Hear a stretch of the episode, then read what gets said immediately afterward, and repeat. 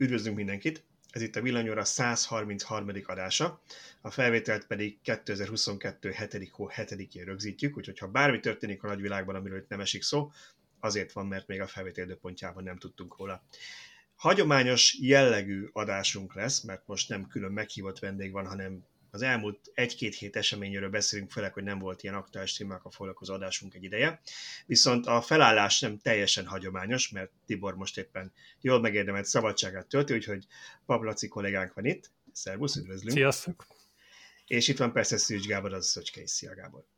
Sziasztok! Én a hallgatóknak hozzátenném Tibor szabadsága kapcsolatban, hogy nem, nem, nem négy hete van folyamatosan szabadságon, ennyire azért nem jó neki, hanem közben dolgozott is, hanem véletlenül pont két szabadságra esett ez a igen, én meg, én meg már láttam, esküszöm megvan, én láttam, még, még tesztautót is hoztunk el, együtt cseréltünk az elmúlt napokban, úgyhogy megvan.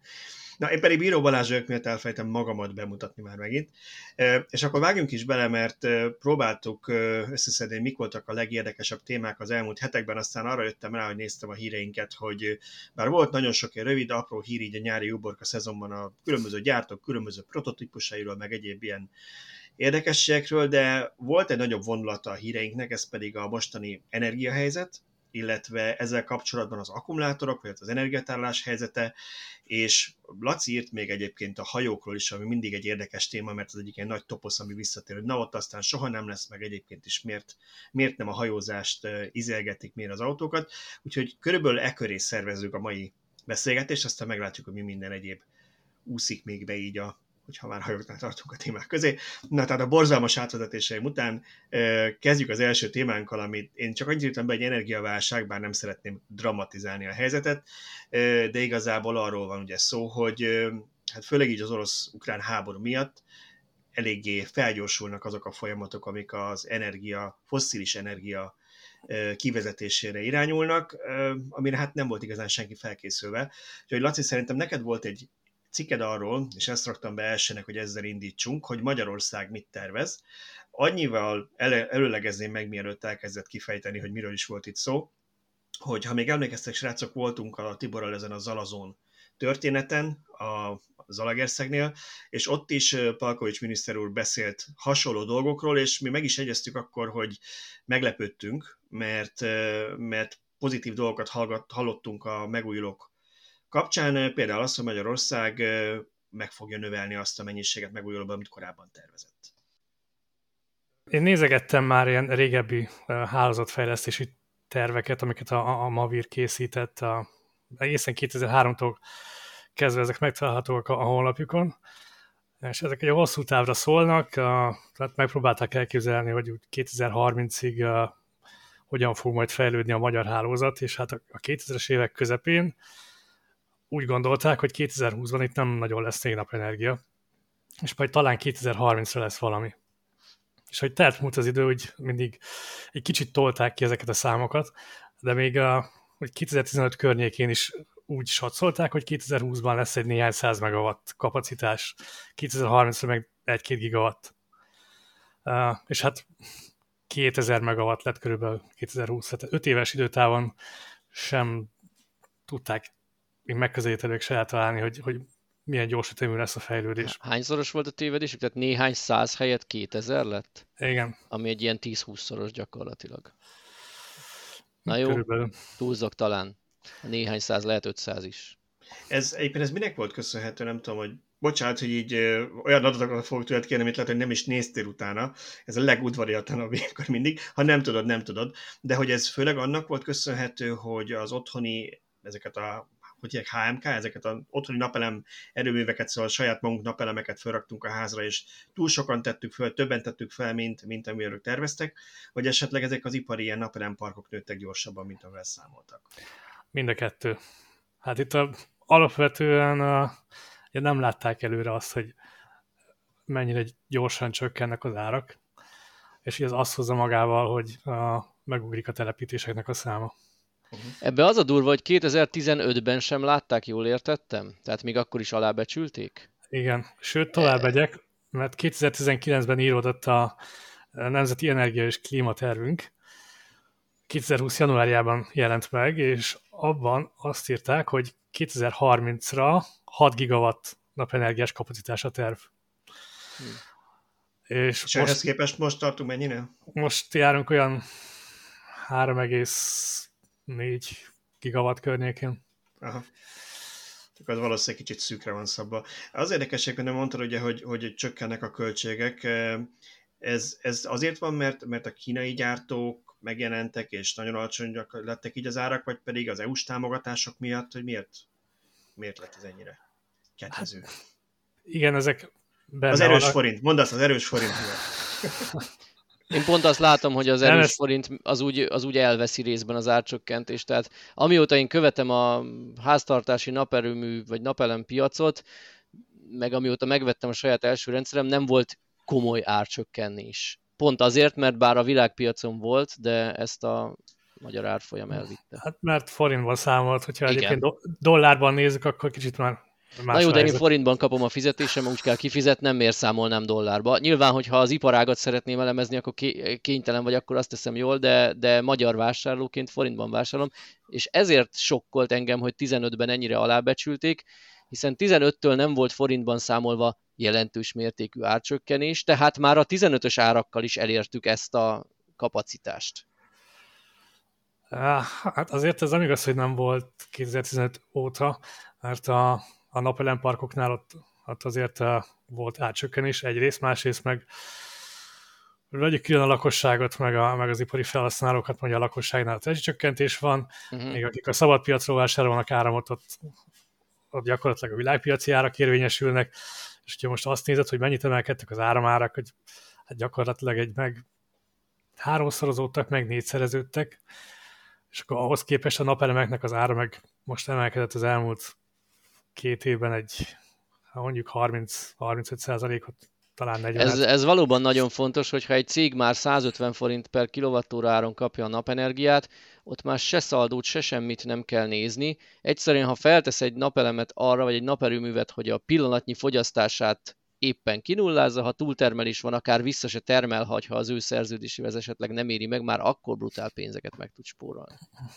Igen, itt azt kell nézni, hogy relatíve hogyan alakult a, a napenergiának az ára mondjuk a fosszilis energiahordozókhoz, és hát ha azt nézed, hogy a gáznak az árfolyama itt Európában most nagyjából meghatszorozódott egy másfél év alatt, vagy két év alatt, az olajnak az árfolyama az, az duplájára ment, akkor a, a napelemeknek ez a néhány tízszázalékos áremelkedése, az, az gyakorlatilag relatíve árcsökkenés. Uh-huh. Most én azt nézem itt az egyik táblázatban, hogy beraktál a cikkedbe, hogy 2022. 6. hó 1-ig van itt a táblázatban az adat, ami elég pontosnak, elég frissnek tűnik az, hogy releváns legyen. És itt az van, hogy 50 kW és afeletti ilyen naperőművek az ilyen 2000 megawatt, és, és az az alatti pedig ilyen 1200, tehát magyarul jön nagyjából kétharmad, egyharmad. Ez az 50 alatti, ez lehet úgy mondani, ez a lakossági, vagy ez azért, mert ez elég nagy, tehát azért lakosságban ekkorát nem szoktak, vagy ja, a lakosság az ennél jóval kevesebb? Ez a HMK kategória. De ebben nem csak lakosság van, hanem nyilván vannak a kisebb cégek, közületek, uh-huh. tehát egy, egy cég is tud a, a szaldós elszámolást választani, akkor, hogyha 50 kW alatt marad az inverternek a teljesítménye.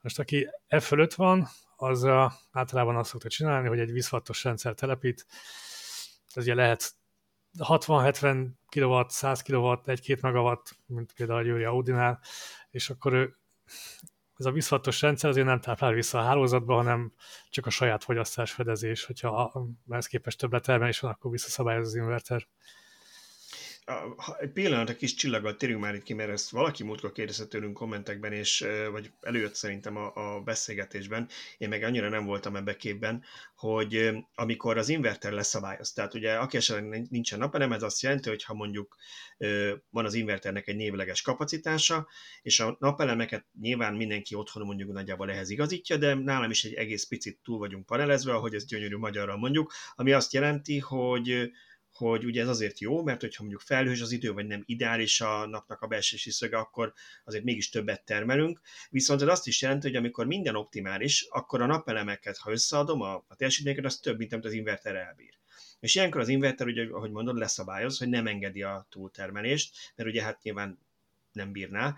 De ilyenkor mi történik ezzel az árammal? Ez, van, aki azt mondta, hogy elmeleg, hogy elmelegednek ettől a panelek, hogy túl melegszenek a panelek, a napelem panelek, ez igaz, vagy mi történik ezzel az árammal ilyenkor? Hát abból az áramból hő lesz, de ugye mhm. eleve a, a, a belső napfénynek körülbelül a 80%-a egyébként is hőformájában távozik, úgyhogy a, most az, hogy te le szabályozol mondjuk 10%-ot, és akkor a 80% helyett 82% lesz az, ami, ami hővé alakul, és nem árammá. Hát ez nem egy óriási nagy különbség. Hát, amit én itt nagyon mm, egyszerű példaként feldobnék, hogyha áramszünet van, lekapcsol az inverter ha van egy egynapos áramszünet, vagy akár te magadnak lekapcsolod az áramot, mert dolgozik a villanyszerelő a házadban, nem fog felrobbanni a tetőn a napelem azért, mert süti a nap, és nem vesszük el a termelését. Aki ettől aggódik, szerintem ő keveri egy kicsit a napkollektoros rendszerekkel, ahol a benne lévő folyadék akár fel is forhat, hogyha ez nem egy ilyen drainback típusú rendszer. De itt, itt, itt nincs erről szó. A napelem vígan el van, nem lesz semmi baja, akkor, hogyha csak úgy kitesszük a napra, és nem, nem használjuk fel a termelést. Igen, gyanítom egyébként, hogy talán nem is a, a nem tudom én, hollywoodi filmekhez hasonló háztető robbanás, ami, amit vizionálnak, csak hogy nem káros, hogy nem romlik ettől a napelemnek később a teljesítménye, de amit Laci mond az alapján, ez, ez elenyésző, tehát most 80 vagy 82 százalék, ez, ez már tök mindegy. Úgyhogy akkor emiatt nem kell aggódnunk, de alapvetően az, hogy a lakosságinál a szaldóban ugye az ember visszatermel, aztán visszakapja, ha meg levág, akkor levág, és akkor nem, nem táplálsz vissza, meg nem termelsz, és akkor azt mondod, hogy vannak azok a, azok a, a ügyfelek, nagyobb ügyfelek, ahol nem termelnek vissza, egyszerűen csak nem használják el. Igen, hát ugye nekik nagyon megéri napelemre váltani, mert hogy horror áramárak vannak, úgyhogy ez a piac ez most nagyon virágzik. Ők nem tudnak ugye olyan jó feltétellel visszatáplálni a, a hálózatba, úgyhogy nekik jobban megéri egyszerűen így, és sokkal egyszerűbb az engedélyeztetés, sőt, hát nem is igazán kell ezt engedélyeztetni. Ugye ez a mérőórán belül van. Na jó, de akkor a... olyan fogyasztásokról beszélünk, hogy, hogy így is tök megéri, az biztos. Szóval mi lett, mi lett akkor most az új terv? Mert ugye arról beszéltünk eddig, hogy a magyar szabályozók egy kicsit alul tervezték meg a, meg a, akik a tervezéssel foglalkoznak, kicsit tervezték, finoman szólva, de most ebben lett egy változás. Én úgy láttam, hogy, hogy megemelték ezt a, ezt a célszámot 2030-ra. Igen, ugye, mint mondtam, hogy 2020. januárjában jelent meg ez a terve a 6 gigawattal, és mm. már, után, már, már a következő évben ezt így elkezdték pedzegetni uh, különböző kormányzathoz köthető szakemberek is, hogy hát ez hamarabb fog teljesülni, úgy tűnik. De tehát, sem... tehát az alapelv nem változott, továbbra is pessimista. Igen, igen. a... az előrejelzés, de ez még mindig pessimista előrejelzés. Az volt, a, az, volt, az volt a hivatalos álláspont, hogy 2030-ra 6 gigawatt lesz és kész. Csak ezt hamarabb el fogjuk érni. És akkor egy marfadíroztam, hogy és akkor azt hogy... Akkor mi lesz? Megállunk, betiltjuk? Igen, 2025-nél megállunk, és egy darab napelemet nem fogunk telepíteni, hogy ezt, ezt, ezt így hogy gondolták. És akkor most a, aztán májusban volt egy konferencia, amin Palkovics László is felszólalt, és akkor ő elárulta, hogy most már ők úgy számolnak, hogy 12-13 gigawatt napelemes kapacitás fog 2030-ig képülni. Tehát egy másfél év alatt, vagy két év alatt egy laza duplázás lett az előrejelzésben? Lényegében igen. És lehet, hogy jövőre kiderül, hogy ez még mindig pessimista, és az a 12-13-18 lesz. Azt Vagy nem hiszem, hogy... Már ne legyünk optimisták. Jövőre ez még azért nem fog kiderülni. Egyébként az én, én személyes becslésem 2030-ra az ilyen 14 gigawatt, tehát szerintem nem járnak most már mm. olyan túlzottan messze. Persze meglátjuk, tehát ezt így nyilván nem lehet előre tudni. És azt is mondták egyébként, hogy ez a 6 gigawatt 2024-re lesz meg, tehát két év múlva. Én ezzel kapcsolatban kicsit pessimistá vagyok én 2025-re tippelnék, tehát lehet, hogy ők tudnak olyan dolgokat, amiket én nem. Hát az Viszont... is kérdéses, hogy most így a háborús körülmények között mennyire fog leállni, a, vagy lelassulni a telepítés. Ugye egyszerűen alapanyag hiány. Én hallottam ezt, hogy inverter hiány van a piacon, hogy aki lakossági fogyasztóként most napelemes rendszert, nem, nem szimpátia alapján választ típus, hanem épp mi kapható. Tehát van azért itt egy ilyen kapacitás hiány, vagy erőforrás. Oroszországban vagy Ukrajnában gyártották az invertereket? Vagy? Hát inkább, inkább arra tippelnék, hogy mondjuk Nyugat-Európában is annyira megugrottak az igények, mert mindenki a fejéhez kapott, hogy most uh-huh. nekem gyorsan kell, és mondjuk lehet, hogy ők fizetőképesebbek, és akkor bizonyos gyártó inkább odaszállít, mint Magyarország. Nem tudom. Én nem hiszem, hogy ez egy óriási nagy baj lesz. A... Van itt a növekedésnek egy bizonyos üteme, amit én már számogattam régebb óta, én már azt hiszem talán 2020, nem, nem, nem, ez tavaly volt, tehát pont egy éve körül megírtam, hogy uh, szerintem sokkal gyorsabb lesz a növekedés annál, amit a, a kormány vár. Egyszerűen csak azért, mert hogy visszanéztem 20 évre visszamenőleg, hogy hogyan változtak az árak, milyen növekedési ütem van, és ettől nem nagyon szoktunk eltérni. Hát persze nyilván vannak ilyen kis ingadozások, hogy most éppen alapanyag hiány van, akkor egy kicsit lassabb a növekedés, de azt ezt később visszahozzuk. Úgyhogy a, szerintem ez a... Bocsánat, csak azt mondom, hogy annyiban, annyiban igaza van szerintem Gábornak, hogy azért itt változhat még úgy a piac, vagy, vagy kérdéses, hogy hogy fog változni a piac, inkább így mondom.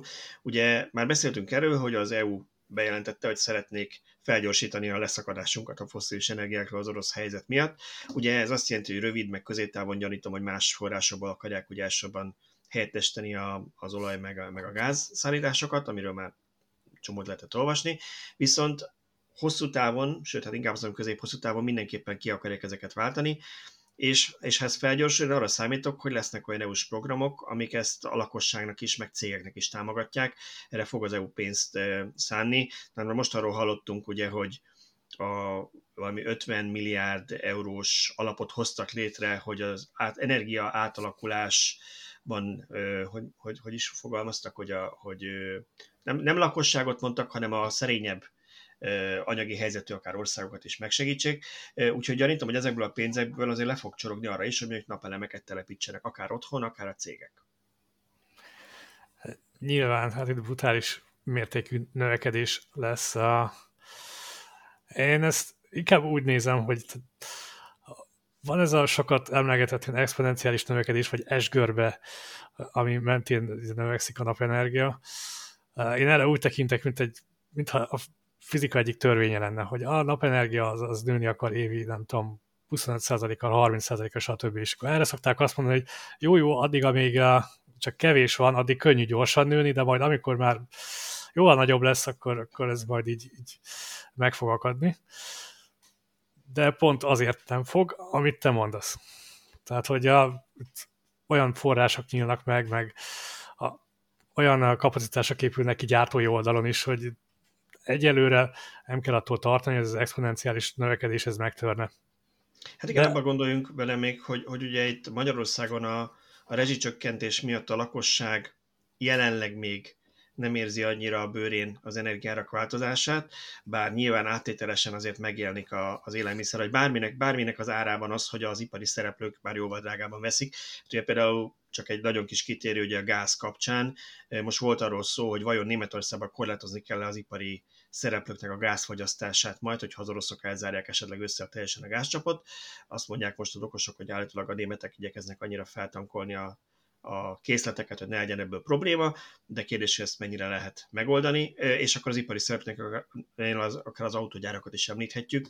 Ugye az autógyárak is elég sok gázt használnak, vagy hát általában gázzal működnek bizonyos kohók, meg, meg egyéb, egyéb berendezések, most nem a berendezések, hanem ahol ugye olvasztani kell, vagy, vagy melegíteni kell valamit, szóval ezt nem árammal csinálják nagyon sok gyárban, nem gázzal.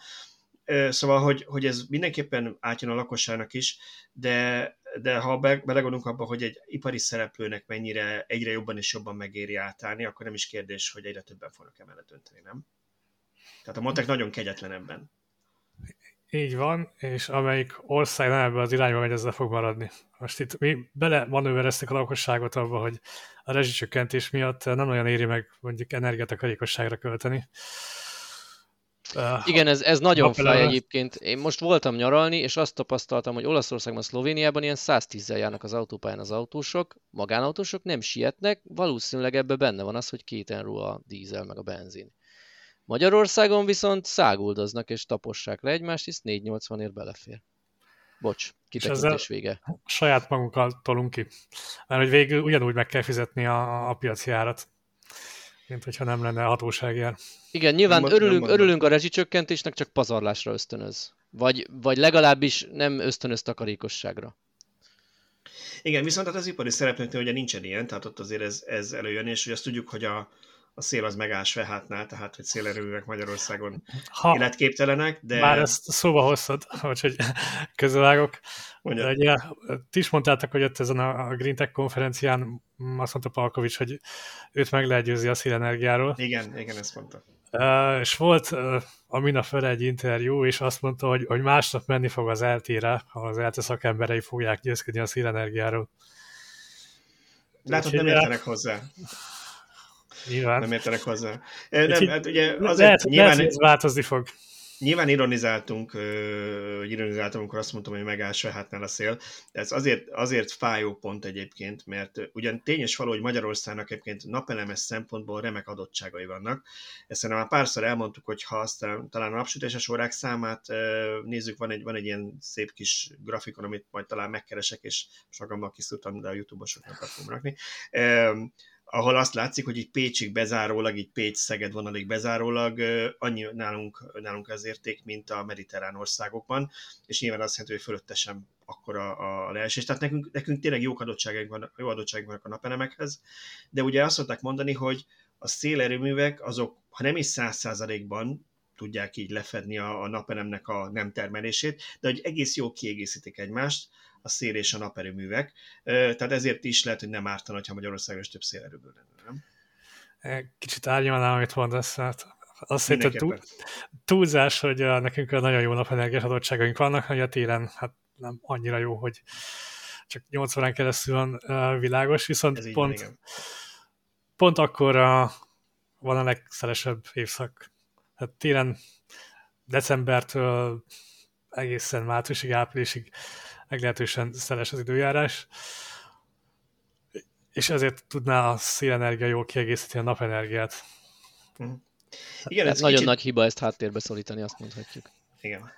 Egy, egy egész picit átvezetve, bár itt volt még egy pár, majd visszatérünk, akkor úgyis össze-vissza csapogunk az adásvezetben, de egy picit szerintem az átvezet minket az energiatárolás kérdésére, foglalkozunk egy kicsit azzal is.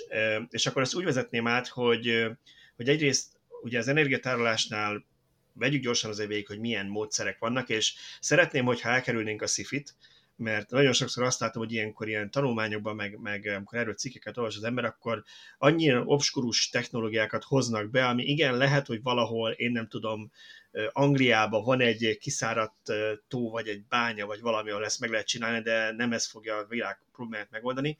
Ugye az akkumulátor az, amit azért szeretünk, mert azt végül is bárhol le lehet rakni, tehát az nem kell egy olyan természeti adottság, ami, ami, ami, ami egy országban vagy megvan, vagy nincs. Erről majd úgyis beszélünk az akkumulátorokról, de akkor nézzük meg, hogy milyen az akkumulátorokon kívül, Laci, ami szerinted Magyarországon működni tud, mint energiatárolás. Hm. Hát akkumulátorból is azért sokféle van, hát nem csak a lítiumban kell itt gondolkodni, hanem például Sümegen épül egy vanádium uh, redox folyadék áramos akkumulátor, ami ugye abban tud többet, mint a lítium, hogy, hogy könnyebben skálázható a tárolási kapacitása, tehát ilyen hosszabb távú, többnapos időszakoknak a lefedésére uh-huh. ez jó. Uh, vanádium mellett lehet vasból is folyadékáramos akkumulátort csinálni. Én még annyival... Ez, ezeknek az az előny, hogy olcsók, vagy nagyobb mennyiségben rendelkezésre állnak, vagy miért jó ez nekünk? A hátránya biztos az, hogy nehezebb, ami mondjuk egy autóban nem jó, de helyhez kötötten tök mindegy. Igen, hát a, a vasból készült akkumulátoroknál ugye nyilván az a, az a nagy előny, hogy, hogy vasból rengeteg van, és ez, ez egy olcsó alapanyag. Uh, és ezért olcsón uh, skálázható. Tehát ezek nyilván nagy, meg nehéz dolgok, de hogyha ezt leteszed mondjuk egy naperőmű mellé, akkor ez nem olyan nagyon sokat számít, hogy most mennyit nyom. Igen, erre szóltak, hogy kicsit több beton kell alá ennyi. Ja, a, a litiumnál az a baj, hogy az, az jó, amikor rövid távról van szó. Hát ilyen egy-két óra, az egy kis rövidebb ingadozásokat kell egyenlíteni, hogy most bekúszik egy felül a, a naperőmű fölé, arra ez versenyképes megoldás. De, de ez nem, ez, igen, tehát versenyképes ez a jó szó. Tehát az, hogy jó, az nem technikailag jó, hanem az ára miatt jó. Hogy igen, akkor a kapacitást nem fognak letenni lítium alapú akuból, amivel áthidalunk egy szezont. Nem. Uh, és hát még, ugye még nem, ugye, mert még mindig nem. arról beszélünk, hogy az árak hogy változnak, Lit- a gyártási kapacitás. Nem hiszem, hogy, hogy valahol fognak el olyan több napos találási kapacitásokat képíteni. Mert a vigyázunk, vigyázunk ezekkel, mert ez a 640 kW mindenkinek elég típusú mondatok. Nem, nem jól öregednek általában, amikor úgy, technológiáról hogy... beszélünk. Ezért fogalmaztam úgy, hogy nem hiszem. Lehet, de igen, jó, de akkumulátorokat egy picit félretéve, szóval, mert ugye azt szokták mondani, hogy ugye van például vannak ezek a szivattyús víztárolók, ahol ugye amikor túltermelés van, és túl sok áramot termelnek mondjuk a megújulók nap közben, vagy nagyon szeles idő van, akkor egy víztározót megtöltenek vízzel, majd gyakorlatilag amikor meg kell, akkor meg leengedik egy turbinán keresztül, de ugye ezekhez általában kell valamilyen természeti adottság, hogy mondjuk van egy, nem tudom én, egy hegynek nevezhető képződmény, amire mondjuk ezt fel lehet tenni, fel lehet tölteni, hát mondjuk egy, egy, egy menencét, vagy egy, vagy egy kiszállott nem? Tehát, hogy anélkül ez az Alföldön hát elég a... nehéz elképzelni, hogy építünk Igen. egy 20 emeletes házat, és akkor annak a tetére teszünk valamit. Ez a klasszikus technológia, ami már meglehetősen elterjedt, és Vájza mostottak át egy azért nagy ilyen szivattyús tározós erőművet. Ott általában vannak hegyek, úgy, úgy olvastam. Igen, igen. És egyébként a németek a Norvégiát, Ausztriát, meg Svájcot tulajdonképpen egy nagy akkumulátornak használják, felszivattyúzzák a, a vizet a hegyekbe, és amikor olcsó a, német áram, és amikor drága, akkor meg leengedik a, a turbinára. Ez, ez tök jó az a gravitációs tárolás, de hát ehhez tényleg fizikai adottságok kellenek, mert, mert kellenek. Maximum nem tudom, föld alá, tehát ilyen kimerült nem tudom, gáz vagy olajlelőhelyekre le lehetne pumpálni, és utána visszaszivattyúzni, vagy felszivattyúzni, és leengedni, hát, vagy ilyesmi. Hallottam olyanról már igen, hogy tengerben nem engednek le súlyokat. Uh-huh. De hát nekünk se legyünk, se tengerünk. Igen, meg ugye, amit te mondasz, Gábor, annak van egy, van egy olyan változatot, amikor levegőt nyomnak le mondjuk egy ilyen már kiszipolyozott gáz uh-huh lelőhelyre, csak azról meg azt az szokták mondani, hogy van annak egy olyan rizikója, hogy nem várt földrengéseket tud generálni. Aha. Tehát ugye ezek a, a levegőt, amikor nagy nyomással lenyomják, az ugye ott feszít mindent is, tehát hogy, hogy ez nem, nem biztos, hogy nem vagyok geológus, csak én ezekről ezt olvastam, hogy vannak, vannak ilyen rizikói, amit még nem értünk teljesen, hogy hogy működik, uh-huh. és mikor van, mikor nincs. Hát ne meg babbal a földet, mert eldurra. Nem okay. biztos, hogy ez lesz uh, akkor, ami esetleg még, ha nem kémiai tárolást néznénk, mi a helyzet az ilyen, nem tudom, termikusnak, minek nevezzük, hogy egy, egy, tehát nyilván egy kisméretű tartályt felmelegíteni benne vizet, homokot, követ, akármit, az nem gazdaságos, mert a felülete akkora, hogy nagy lenne a hőveszteség. De ha jól tudom, egy bizonyos méret felett ez elkezd átbillenni. Tehát, hogyha ilyen egy egész város méretű nem tudom, valami hőmérséklet alapon, tehát hogy forraljunk fel a felesleges napenergiával folyadékot, esetleg nyomás alatt, és utána ezt vegyük ki a szezon végén, vagy a téli szezonban, ez működhet Magyarországon? Mi erről a véleményed? Nagyon elmentünk más irányba, de annyi baj legyen. Technikailag működhet, de gazdaságos lesz az alternatívákkal szemben, ezt amíg élő ember meg nem mondja, úgyhogy kísérleteznek mindennel, mindenféle ötletre létrejönnek a startupok, és mindenki fejleszti saját termékét, aztán majd a, a piac eldönti. Uh-huh. Jó, tehát akkor ezt úgy zárnám rövidre, hogy Magyarországon leginkább a kémiai alapú akkumulátorokban bízhatunk, hogy az nem Igen, illetve, lesz, illetve hogy nyilván meg kell még említeni a hidrogént, a, a kormány uh-huh. ezt a, propagálja is, a, hogy a, épüljön ki a hidrogén infrastruktúra. A hidrogénre szükség van, tehát az tagadhatatlan, hogy lesz zöld hidrogén termelés mert ez kell az iparnak, mint alapanyag, kell, mint uh, energiahordozó, ott, ahol az áram nem tud elég hőt fejleszteni, tehát mondjuk egy, nem tudom, kerámia gyárban, ott, ott nem, lehet, lehet, hogy kevés a, az elektromos kemence, nem tudom, az acéliparban is lehet, hogy a, szükség lesz rá, sőt, egész biztos, hogy szükség lesz rá, műtrágyát gyártanak belőle, stb. rengeteg mindent hidrogén lesz. Hogy ennek mekkora szerepe lesz majd az energiatárlásban, hát ez megint csak olyan, hogy nehéz megmondani, mert majd a piac eldönti. Beszéltél az esgörbéről, én úgy gondolom, hogy annak gazdaságilag, ahogy Balázs is mondta, olyan pénzek fognak befutni, hogy nagyon sokára laposodna el pénzügyi alapon, majd egyszer technikai alapon el fog laposodni, hogyha elér a megújuló aránya egy kvázi kezelhetetlen arányt. Na de itt jön be ez, hogy ha olyan mennyiségű megújuló lesz a rendszerben, akkor majd megéri zöld hidrogén gyártani, mert ha tök felesleges napáramon van nyáron, akkor pont nem érdekel, hogy csak 20-30% a hatásfok a folyamat. Ha rengeteg ilyen úgymond felesleges energiánk lesz, akkor erre ki fogunk találni új üzleti modelleket, tehát ezt nem fogjuk így elveszegetni. Akkor olyan dolgokat fogunk csinálni, amik lehet, hogy eddig eszünkbe se jutottak. Most belegondolsz, hogy a középkorban kinek jutott eszébe az, hogy uh, mi majd, nem tudom, internetet fogunk fejleszteni, meg kutyakozmetikát nyitunk, meg ilyen. Tehát eszébe nem jutott volna. Na, na, kutyakozmetik azt nem tudom, de lehetséges, az egy egyiptomi fároknak esetleg a macskáit már valaki nyírogatta. Viszont, viszont az még itt érdekes lehet, ha már arról beszélsz, ugye, hogy hogy mit kezdünk a felesleges árammal, ezek a na, hatalmas problémák, hogy, hogy ugye Magyarország ez nem érintett, mert, mert ugye nincs tengerünk, de ugye arról is szó van, hogy nagyon sok olyan terület van, ahol, ahol probléma az öntözés, meg a ivóvíznek ellátás is, néha akár mondjuk a Kaliforniára gondolunk, ott is jelent szárazság vannak, viszont ott van közel az óceán, ha túl sok napenergiát termelnek, akkor mondjuk lehetne ezzel édesvizet készíteni a sósvízből. Tehát, hogy azért Magyarországon kívül tekintve vannak ennek felhasználási lehetőségei bőven. Itt is lesz például, hogy a, a múltkori adásban szó volt a hulladékfeldolgozásról, uh-huh. ez is egy energiaintenzív dolog, uh, hogyha lesz egy csomó uh, olcsó energiánk, akkor fel tud pörögni majd ez az hulladék újrahasznosítás is, és akkor lehet, hogy inkább nyersanyagként fognak tekinteni majd a, a hulladékra.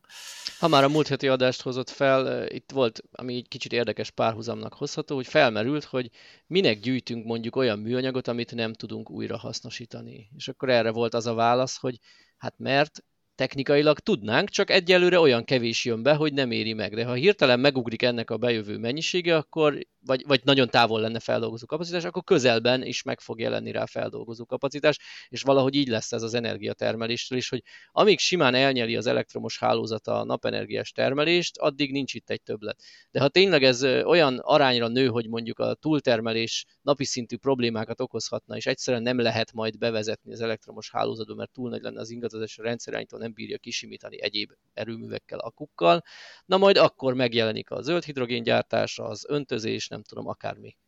És lesznek a, olyan üzemek, amik erre az olcsó többletenergiára alapoznak, és ezek akkor fognak működni, amikor többletenergia rendelkezésre áll. És hogyha elég nagy kapacitásokat építesz ki, akkor az időnek egy jelentős részében lesz ilyen plusz energia. Hát még azt lehet mondani, hogy csak heti egy napot működnének, mert nyilván az úgy annyira nem észszerű. Viszont ugye ennek van egy olyan hozadéka, hogy akkor nem kell azon gondolkozni, hogy hogy tegyük el a fölösleges energiát nyáról térre, mert hogy akkor a kapacitások lesznek, hogy télen is lesz elég. Uh-huh. Hát ezt úgy is meg lehetne közelíteni, hogy a lakosságnak az áramfogyasztásához szükséges energia az, az inkább egy melléktermék lesz. Tehát termelünk egy csomó energiát, és akkor abból valami jut a lakosságnak, és az, az bőven elég. Ha már, ha már itt beszélgettünk kicsit ugye az energiatárolásról, van itt még egy vetülete, ami, ami engem mindig nagyon foglalkoztat, ez pedig az otthoni energiatárolás, és volt most az a kapcsolatban cikkünk, hogy Kaliforniában, Ausztráliában, most már Kaliforniában is ilyen virtuális erőműveket hoznak létre, ami azt jelenti, hogy több ezer háztartás, akinek van otthon akkumulátora, kapcsolódik be ebbe a virtuális erőműbe, és akkor a szolgáltatónak a vezérlése alapján, hogy ez most automatikus, vagy, vagy, vagy pontosan hogy működik, az nyilván rendszerre válogatja, de a szolgáltatónak a vezérlése alapján ezek az otthoni akkumulátorok át tudnak kapcsolni olyan üzemmódban, leadják a tárolt energiát a hálózatba, hogyha mondjuk ott kiesés van, vagy, vagy hiány van, vagy probléma van, amiért jó pénzt kap a lakos, tehát többet, mint úgy egyébként kapna. Máskor meg ugye el lehet tárolni felesleges energiát akár ezekben.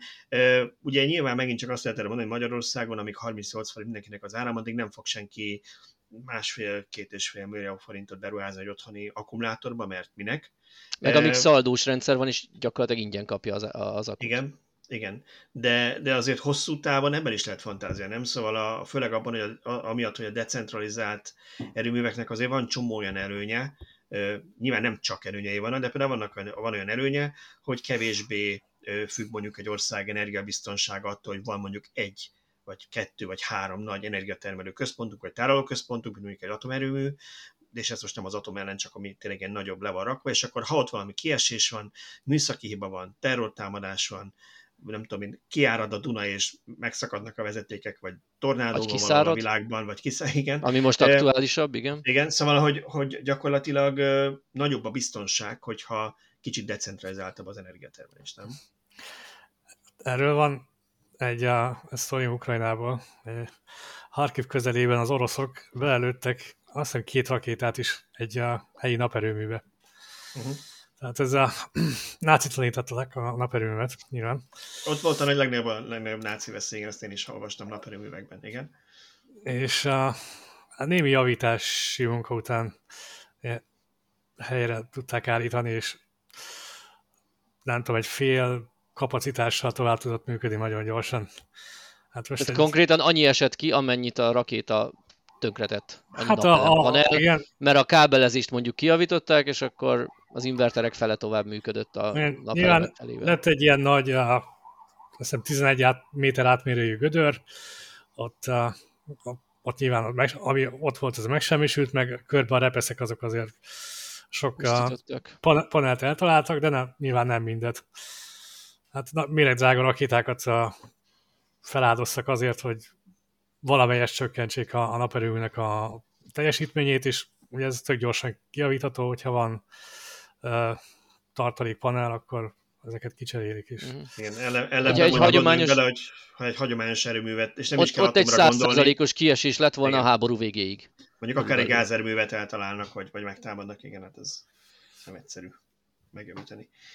Ja, szóval, hogy Magyarországon akkor nem biztos, hogy nagyon sok, sok ilyen virtuális erőmű lesz, amíg ilyen olcsó az otthoni áram, de azért, de azért szerintem ez mindenképp olyan technológia, amin érdemes a szemünket tartani.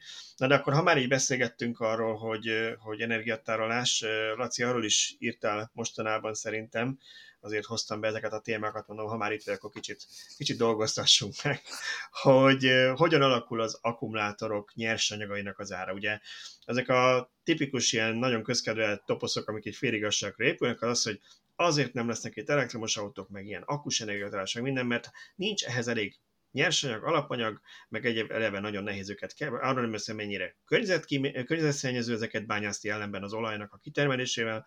Ja, ja, a mi garázsunkban is ott a 800 kg kobalt, ugye? Ugye, igen, igen. Bocs, ez egy másik cikk volt. 800 kilós akkumulátorok vannak az autóban, ezt is megtudtuk, hogy gyorsan le is, le is mértem én is az én aksimat, mert akkor valami megrövidített a Tesla, majd írok nekik, hogy hol van az a maradék 400 kg, aminek benne kell lenni az autóban. Szóval, de most a viccelődős félretéve, ugye alapvetően azt szoktuk mondani, hogy hogy az akkumulátorokhoz szükséges alapanyagok technológiától függően, de rendelkezésre állnak, maximum a kitermelésük meg a finomításuk nem épült még annyira ki, mert ilyen kézben tartható kis kütyükre kellett a mennyiség, nem elektromos autókra. Mit, mit látsz te most ezen a piacon? Azért mostanában a mennybe mentek ezek a provokátorok, akik a, a megújuló energia meg az elektromos autózás ellen prédikálnak, mondva, hogy nincs elég nyersanyag, hogy a, mennyi nyersanyag kéne ahhoz, hogy a, lecseréljük az autókat, meg, meg átálljuk a megújuló energiára, és ennyi a világon nincs, és olyan drága lesz, hogy a, megfizethetetlen, és a, majd az emberek nem fogják tudni megengedni maguknak az autót, hogy átállunk a belségésű motorról akkumulátoros autókra, meg a, nagyon drága lesz az áram, és akkor most ugye lehet mutogatni a, az árfolyamokra, hogy na mi megvoltuk. És ezt nagyon... Árfolyamok alatt a, a fém hát, piacot. Igen, igen, igen, igen. A, a nyersanyag árakra. Igen. És ez a, ezt a narratívát ezt nagyon jól átnyomták a, a közvéleményre, és a, hát most én úgy látom, hogy a hozzászólások alapján, hogy a Facebookon, hogy, a, hogy ezt nagyon sokan ezt tényleg elhiszik. Ez nem fog működni. Facebookban ne indulják ki, mert ott a gyík emberektől kezdve nagyon sok minden összeesküvés úgy tűnik, mint hogy az egész világ ebben hinne. Szerintem van egy jó, jól körülhatározott közösséggel megtalálta ezt a fórumot, ahol egymást hűíthetik, de, de olyan szempontból természetesen igaz volt, hogy most rövid távon volt egy megugrás ezeknek a, ezeknek az árfolyamoknak. Gondolom, hogy itt a háború is közrejátszott, meg talán az is közrejátszott, hogy úgy néz ki, hogy mindenhol gyorsul ez az átállás, tehát akár ha az EU-nak a legújabb irányelvére gondolunk, hogy 2035-öt most már úgy ténylegesen kijelölték, ezek mind afelé ö, nyomják szerintem az ipart, hogy aki eddig még így kivált, vagy fél lábbal volt benne, most ő is elkezd már azon gondolkodni, hogy hopp, akkor le kéne kötni mondjuk litiumot, meg, meg nikkelt mondjuk 2025-ig, vagy 2030-ig, mert nem lesz elég. Valás, én 25 éve vagyok a, a, tőzsdén valamilyen formában tök kevesebb intenzitással pont 26 évvel ezelőtt vettem meg az első részvényemet, amik matáv részvények voltak. én, én, én, láttam már a 98-as orosz pénzügyi válságot, a 2000-es dotcom lufi, a 2000-es években a nagy inflációt, amikor nagyon hasonló volt a helyzet, mint most, hogy ment felfelé minden nyersanyagnak az ára, utána a nagy pénzügyi válságot, aztán a 2010-es évek elején megint volt egy a, viszonylag nagy infláció, esetleg emlékezhettek még rá, hogy 2011-ben a totál kár az arról írt, hogy nem sokára 1000 forint lesz a benzinliterje. Pedig akkor a dollár az volt ilyen 200 egy néhány forint. Hát nem lett 1000 forint akkor a, a, a Még lehet. De milyen dollár árfolyam mellett. Igen. Szóval, De szóval hogy van egy, ilyen, élni. van egy ilyen mondás, hogy a, a fák nem nőnek az égig, meg a tőzsdei árak sem nőnek az égig, meg a nyersanyag árak sem. Hát én már ezt tavaly megírtam, hogy ez egy buborék. Ami a nyersanyag piacokon folyik, az egy buborék fújás, és nem tudom, hogy kipukkadt-e már a buborék, de szerintem elkezdett ereszteni. Tehát csak most összeszedtem az árakat, hogy hogyan alakultak, és az ezüst, ami kell a napelemekhez, 27%-ot csökkent az idei csúcshoz képest. A réz, ami kell mindenbe, de a elektromos autókban sok kell belőle a vezetékekben, a napelemparkokhoz. Minden, mindenben, ami áram van, igen. Igen, igen mínusz 31 százalék. Az acél, nyilván ugye a, például a karosszériába kell, a tartószerkezetekbe, mínusz 20 százalék. Alumínium szintén kell az autókhoz is, meg a, a napelemekhez is, mínusz 37 százalék.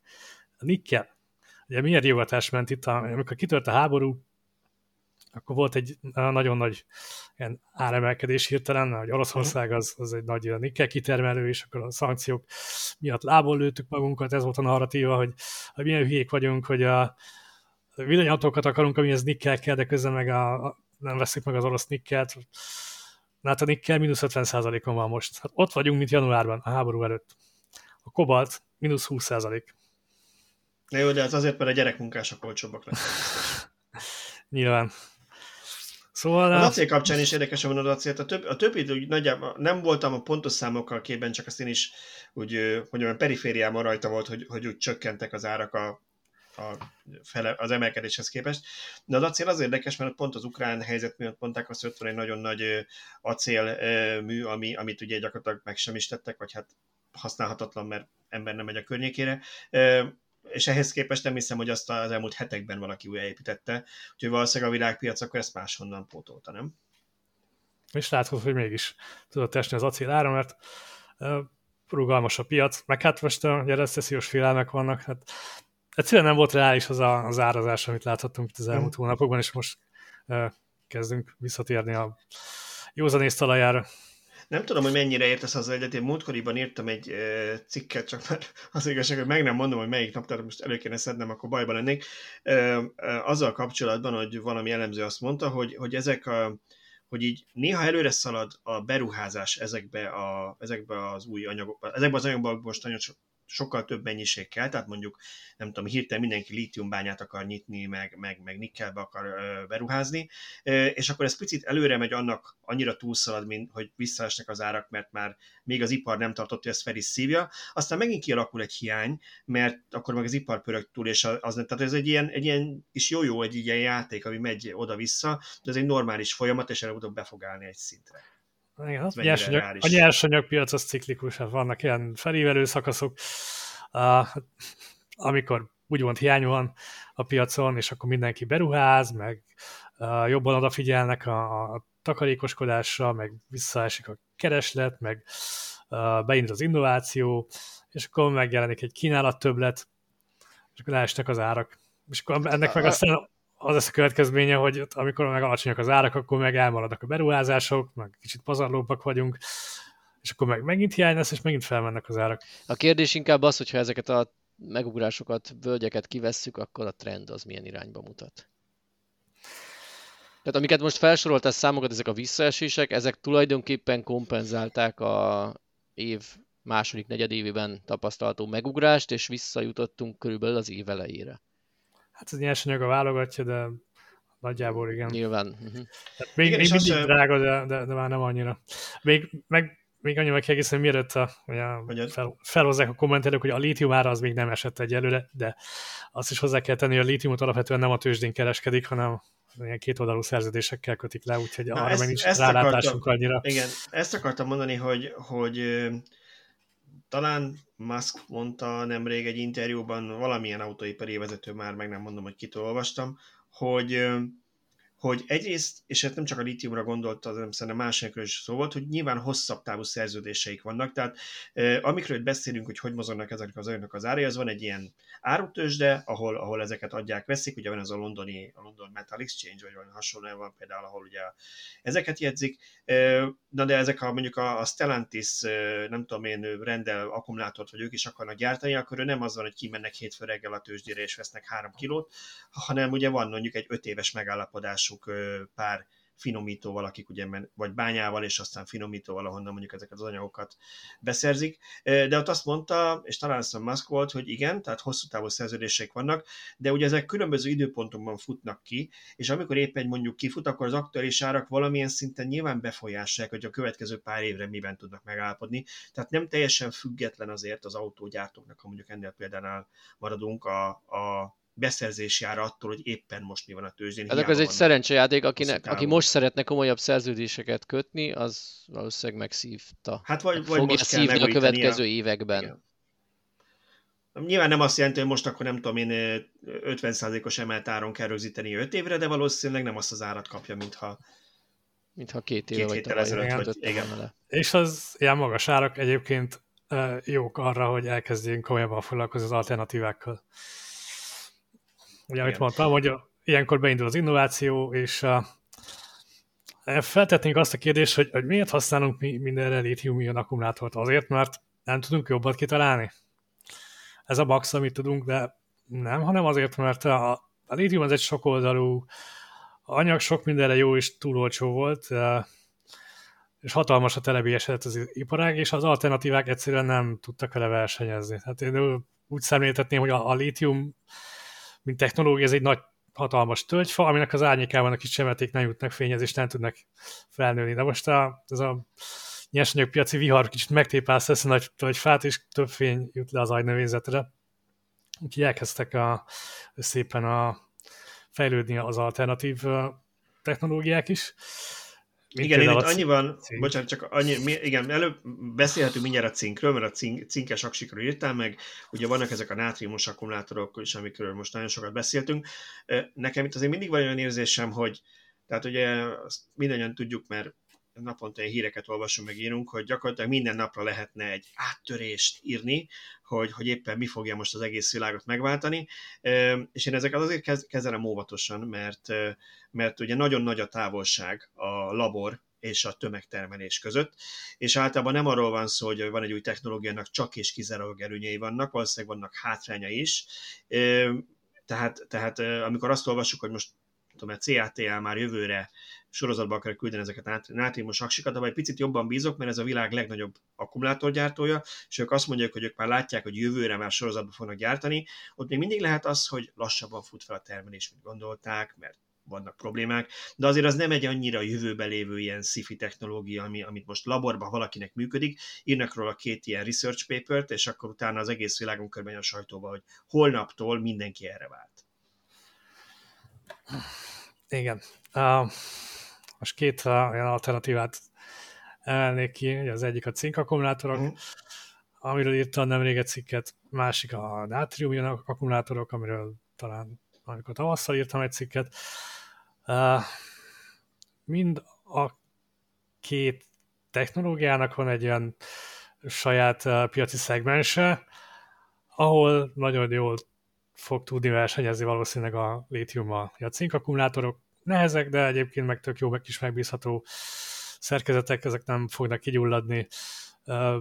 Tehát az ilyen hely, helyhez kötött energiatárolásnál, akár kis otthoni energiatárolónál, akár nagy akupakoknál ez jó lehet, mert a cink olcsó, nagy mennyiségben bányásszák, tehát itt a nyersanyag az nem igazán probléma, nem kell hozzá kobalt sem.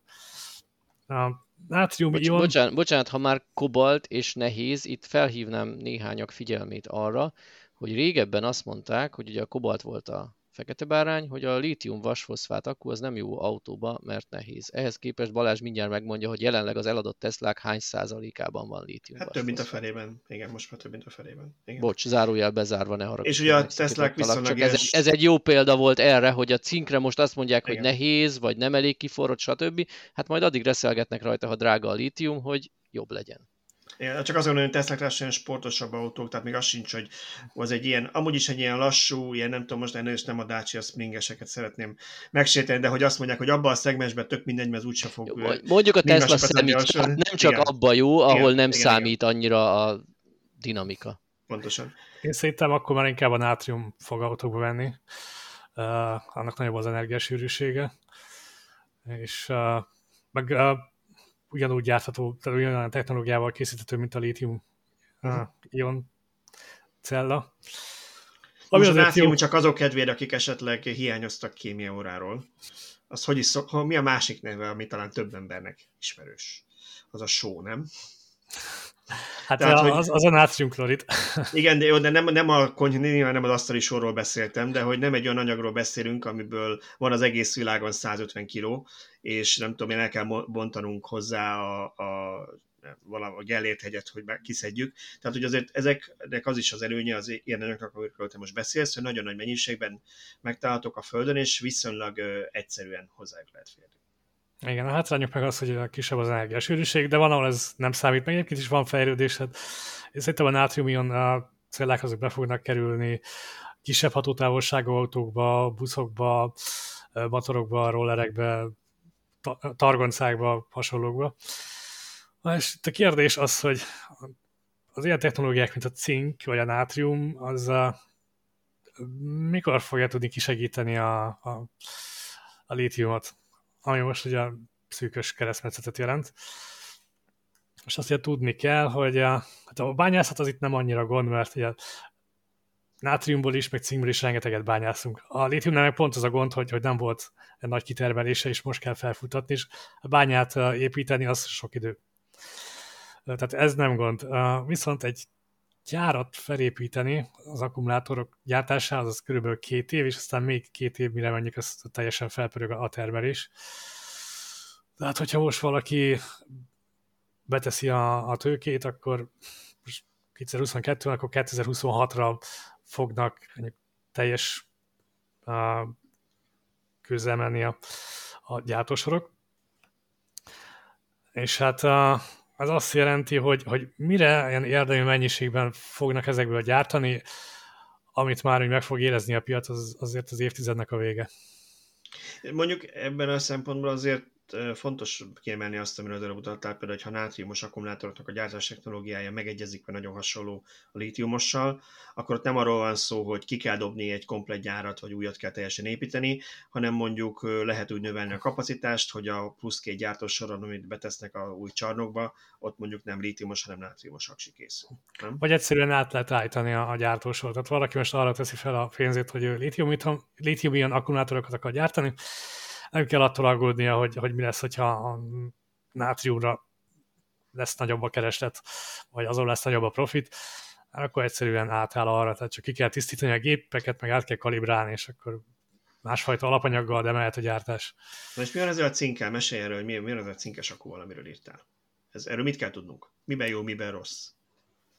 Hát abban rossz, hogy a, az energiasűrűség az alacsony, Uh, vannak itt különböző technológiák, úgyhogy nem fogok tudni mondani egy ilyen konkrét számot, de hát 100 wattóra per kilogramm alatt vannak a most a piacra kerülő termékek, hát ilyen uh-huh. Mhm.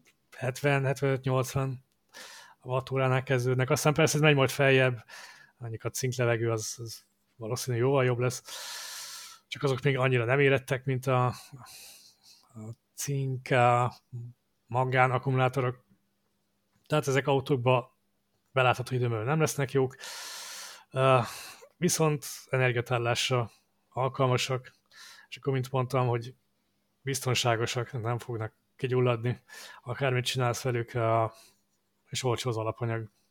Nagy mennyiségben rendelkezésre nem nagyon kell számítani ilyen ellátási láncokkal kapcsolatos problémákra, és mindenfelé bányáztak cinket is, meg mangánt is. Tehát remekül kiegészíthetik, vagy megoldhatják a megújuló energiatermelés hektikusságát. Ez Igen, arra jók. A teljesítményben abban hasonlóak a, a lithium tehát hogyha gyorsan kell nagy teljesítményt leadni, ezt tudják. Behoznék én akkor még egy témát, ami, amivel foglalkoztál az elmúlt hetekben, és bocsánat, hogy most egy ilyen laci show lett, de mert kihasználjuk azt, hogy itt vagy, és, és általában ilyen nagyon hosszabb, mélyebb, benemző cikkeket szoktál írni, és nem mindig megyünk bele, mert nem ismerjük annyi, olyan mélységben, hogy érdemben tudjunk válaszolni a kérdésekre, de most, hogy itt vagy, szóval nagyon ö, fontos téma a teherszállítás, ugye ezen belül a hajózás, és ez egy, megint egy visszatérő tapaszt, hogy hát miért a szegény autósokat bántják, miért ezen akarja mindenki, ez minden második Facebook komment megtalált, miért ezen akarja ez a mocskos EU is megsporolni a károsanyag kibocsátást, miért nem a hajókat? Miért nem a hajókat fogják meg? Hát egy hajó több károsanyagot termel, mint a világ összes autója száz éven keresztül, nem? És akkor persze erre van egy olyan válasz, hogy nem. Tehát röviden az, hogy nem. Ez nem igaz, ez egy borzasztóan leegyszerűsített elmélet, aminek az volt az egyik fő alapja, ha jól tudom, hogy ugye a, ugye a, a, a hajózásban használt ö, ö, üzemanyag az egy nagyon-nagyon-nagyon gyenge minőségű, azért olcsó bunkárolaj volt, aminek nagyon magas volt a kéntartalma, és valóban ezért a, a kén elégetésekor keletkező károsan kibocsátás az jóval magasabb volt az óceánjároknál, vagy ezeknél a konténerhajóknál, de ebben egyébként nagy előrelépés történt, mert ugye azért a hajótársaságoknak is a különböző testrészeit csapkosják a csalánnal, hogy ne legyen ez ilyen magas ez a kibocsátás, úgyhogy ott egy nagyon erős visszaesés tapasztalható.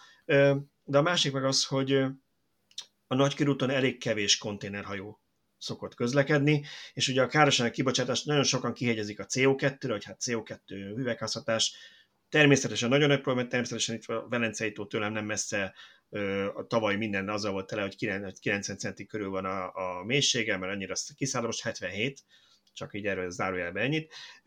Viszont ugye csomó egyéb égéstermék is van, ami rohadtul nem egészséges, és a nagyvárosokban él több millió ember a világon, több százmillió ember a világon, és gyakorlatilag azt lélegzik be, amit kipöfögnek az autók. Úgyhogy nyilván azért ezt tegyük egy pillanatra rendbe azért, hogy nem arról van szó, hogy a hajókkal nem kell foglalkozni, de a helyi károsan kibocsátás egy nagyon nagy probléma az emberek életminősége meg egészsége szempontjából. Engem a saját cikkem alatt oktattak ki, hogy elég lenne a száz legnagyobb konténerhajót lecserélni nukleáris meghajtásúra, uh-huh és akkor nem kéne bajlódni a személyautókkal. Jaj, hát, jaj, ez elég fájdalmas. Nekem örök veszőparipám, amikor felmerülnek azok a kommentek, hogy a villanyautó csak áthelyezi a szennyezést a belvárosból az erőműhöz.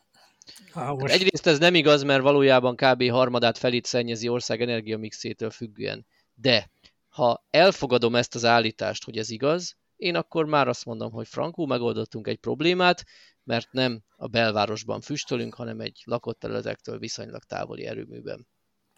De most tekintsük is el ettől, és nézzük csak a, a klímaváltozás, meg a, a CO2 kibocsátást. Hát nézzük a számokat.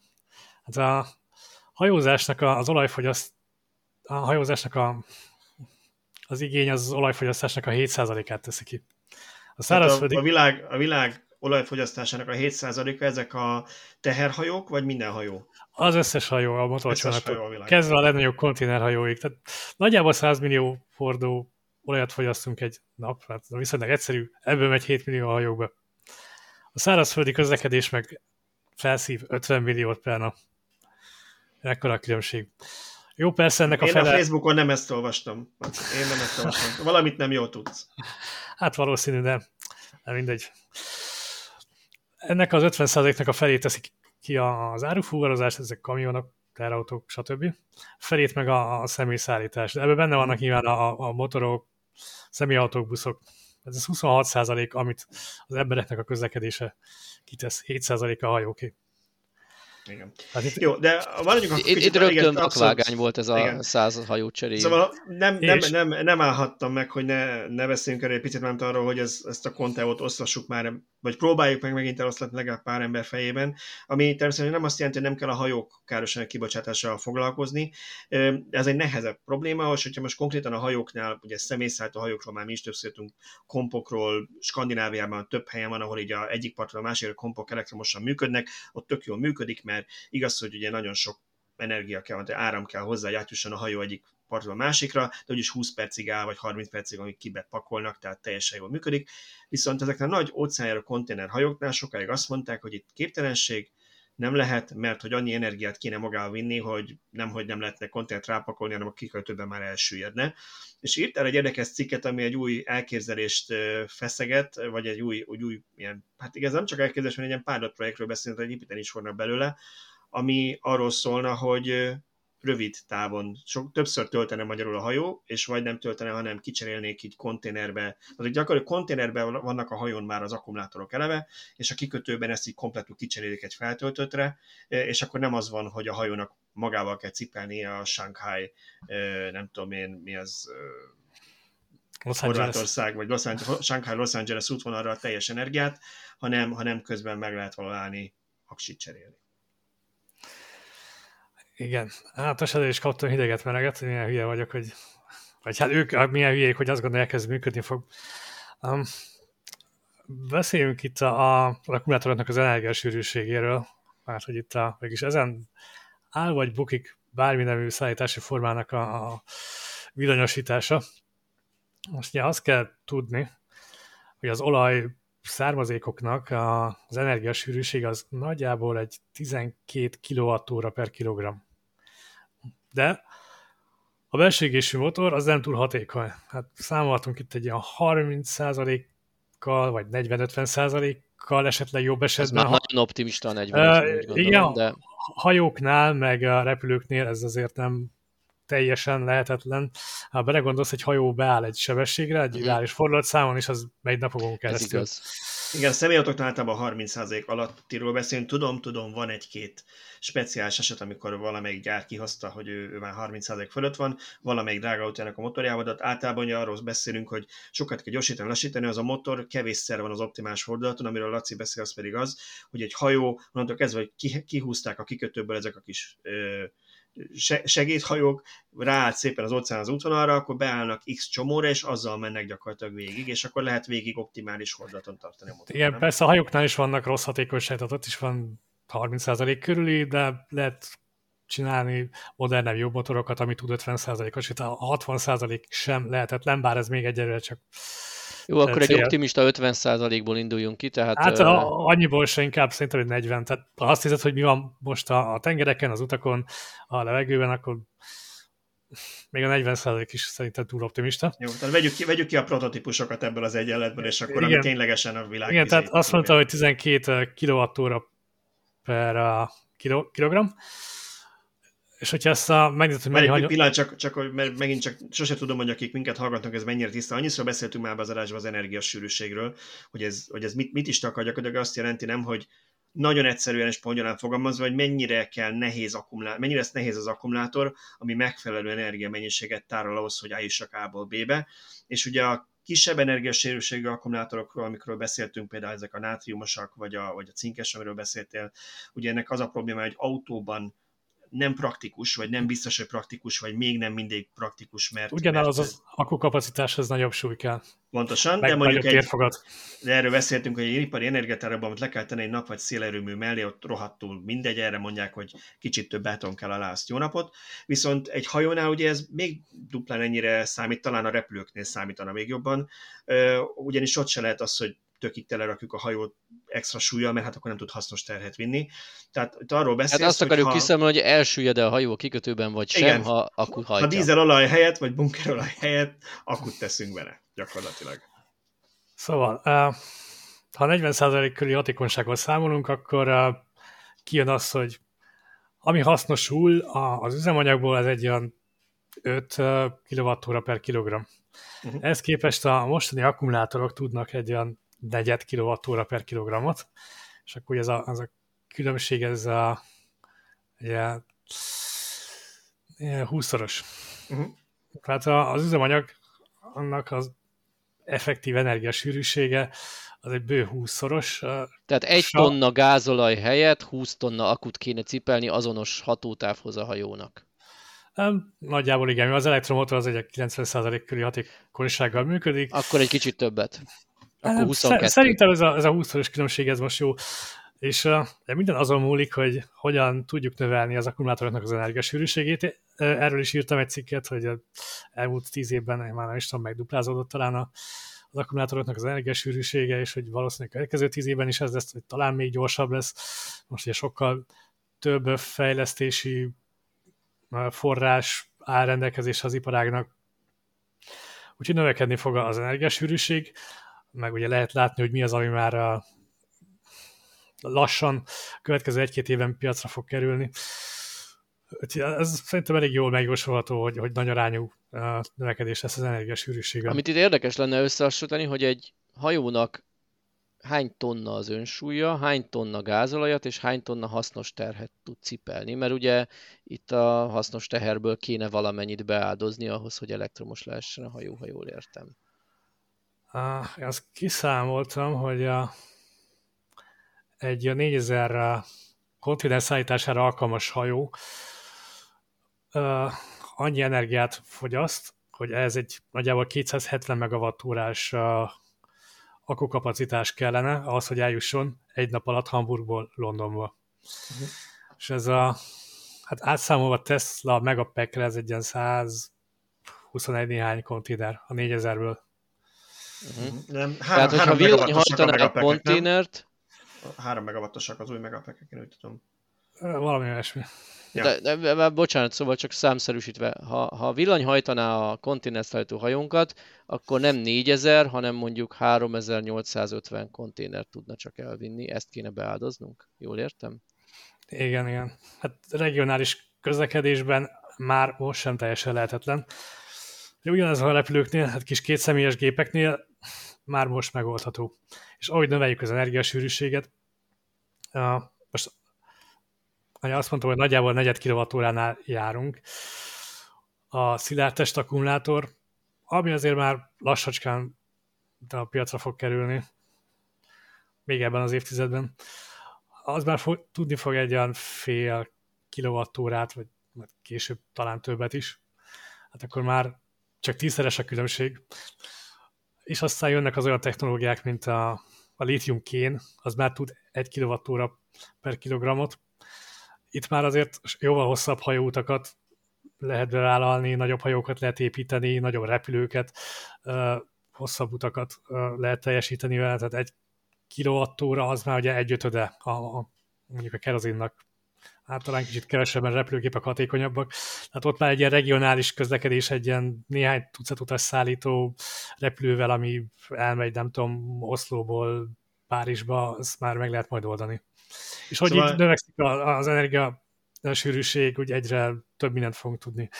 Én, én már a mostani helyzetet sem érzem olyan veszélyesnek, tehát nekem ez, ez szöget ütött a fejemben, hogy, hogy csak ennyit kéne beáldozni, hogy 4000 helyett 3850 konténert vigyen egy hajó, és akkor mehetne villannyal. Tehát most ha innentől, hogyha duplájára növeljük x év alatt az energiasűrűséget, vagy egy új technológiával, akkor nem 3850 lesz, hanem 3920. Tehát már ez itt majdnem mindegy, én úgy érzem.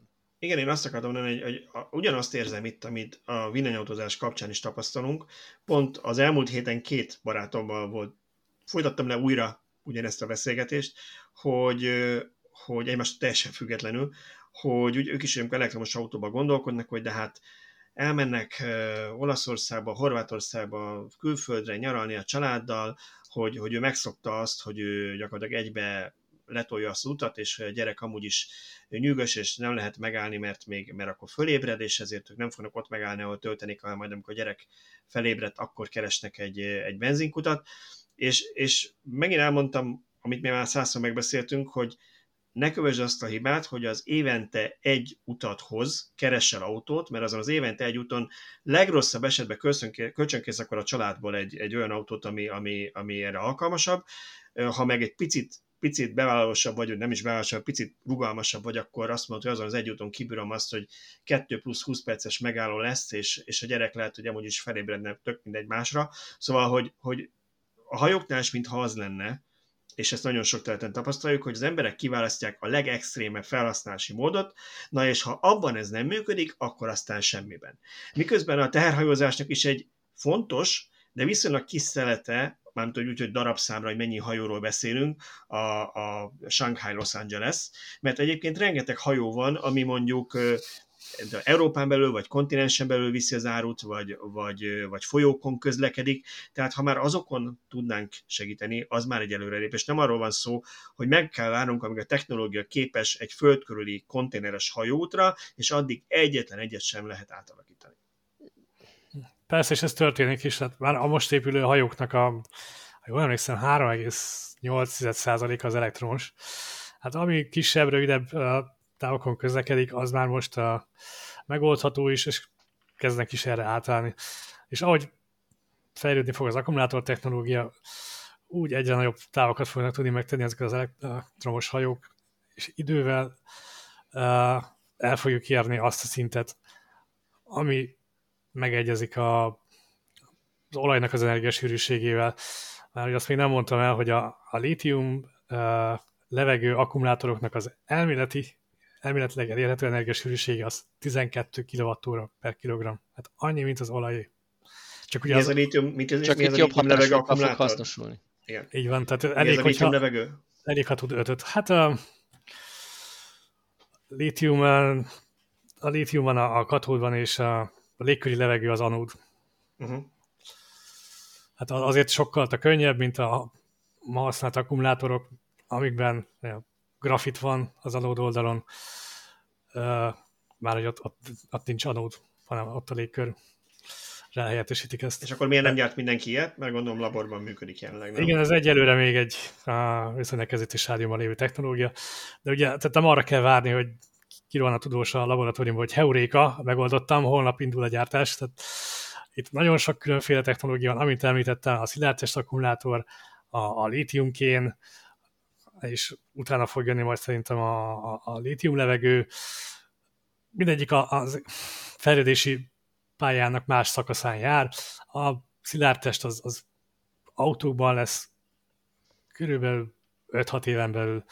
A lítiumkén az az évtized végére. A lítium levegő, hát szerintem valamikor a 30-as években és valószínűleg nem, tehát a, a, szerintem érdemes ezekre nem úgy gondolni, mint hogy valamelyik egy ilyen szent grál, amit ha elérünk, akkor onnantól kezdve mindenben az lesz, és mostantól kezdve a valóra váltak a science fictionök, hanem, hanem valószínűleg az lesz, hogy ugye minden ilyen akkumulátor technológiának, ami most fejlesztés alatt van, meg lesz az a piaci szegmense, ahol ez különböző teljesítmény, meg ár vagy költségadatok alapján oda jó, nem? Tehát én a múltkoriban írtam egy olyan fejlesztésről, ami persze még csak laborban működött, de nagyon biztató volt az eredmény, ami akár úgy volt, úgy szólt hogy 100 évre ki tudja tolni egy lítiumos akkumulátornak az élettartamát.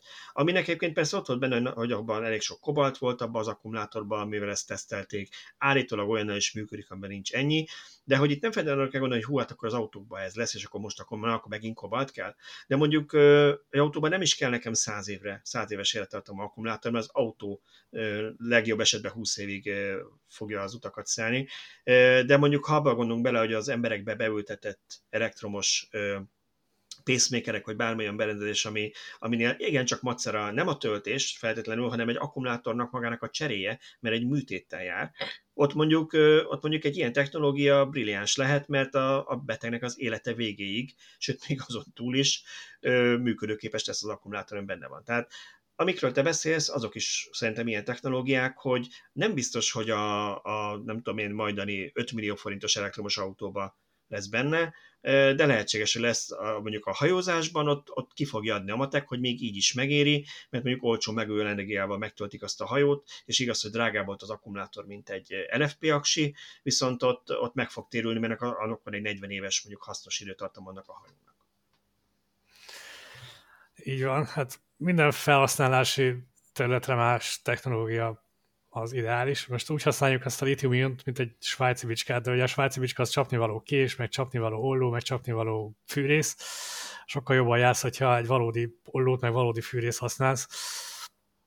Úgyhogy a, ezek ki fogják fordni magukat, és ahova nagyobb hatótávolság kell, oda mennek majd a, a litium-nikkel akkumulátorok, ahova nem számít az energiasűrűség, oda mehet a cinktől kezdve a nátriumig bármi. Most igazából mi meg sem tudjuk becsülni, hogy, hogy melyik területen mi lesz a befutó, így bemutatunk néhány technológiát, ami úgy viszonylag esélyes, hogy a, esetleg ebbe az irányba fogunk menni, de végül ezt úgyis majd a piac fogja eldönteni. Hát ami felhasználási területen versenyképes, az fogja összesen kikerülni. Ezt most még előre azért elég nehéz megmondani.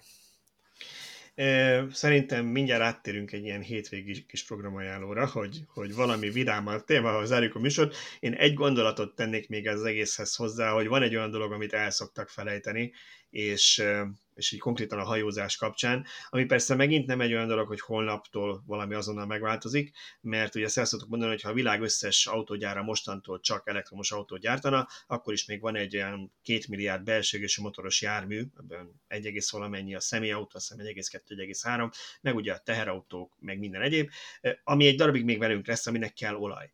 De a hajózás kapcsán volt érdekes grafikon, amit berakta az egy cikkedbe, ami azt mutatta, hogy csak az olajszállító hajók, tehát a nyerselszállító hajók mekkora részét teszik ki ennek a környezetszennyezésnek, tehát csak azért szennyezünk, hogy szennyező anyagot szállíthassunk vele, és ha ebből a szennyező anyagból kevesebbet fogunk használni az iparban és a közlekedésben, akkor ezekből az olajszállító hajókból is jóval kevesebb lesz, és már ez megoldja a problémának egy részét, nem? Igen, az olaj, tehát 11 ezer olajtanker van, és ezek felelősek a hajózásnak, a, a kibocsátásának az egyötödéért körülbelül. Igen. Jó, ami nem azt jelenti, hogy ha mindenki elektromos autót akkor holnaptól nulla olajtanker lesz, mert ez egy 20 év, amíg kikopik a, a benzinkutakról a, a folyékony üzemanyag legalább, és teljesen akkor se fog. Azért a, igen? ez kiegészítő annyival, hogy igen, nagyon, nagyon sok a, a hagyományos autó van forgalomban, és ezeknek csak egy nagyon kis részét cseréltük még le egyelőre, és hát nyilván ez nem lesz gyors. De ugye azt is érdemes észben tartani, hogy alapvetően azok állnak át elektromos autókra, akik sokat mennek, főleg városban mennek sokat. Nekik hát akik, meg? Akik, igen, akik sok üzemanyagot fogyasztanak, és az az autó, amit arra használnak, hogy a, a nagypapa vasárnap elviszi vele a templomban nagyomát, na azt nem fogják lecserélni elektromossal soha az életben. Egy darabig. De az nem is baj, ez ugyanolyan, mint a kétütemű autó kitiltása. Miért, miért kell kitiltani? Szépen kikopik tíz év alatt, és az a néhány, amelyik veterán járműként fut, nem az fogja tönkretenni a Igen, ezért ez félrevezető, hogyha azt nézzük, hogy hány autó van, és abból mennyi elektromos, mert hogy nem az számít, hanem a futás teljesítmény. Aha. És abban a helyzet meg sokkal jobb. Ez, ez teljesen igaz, igen.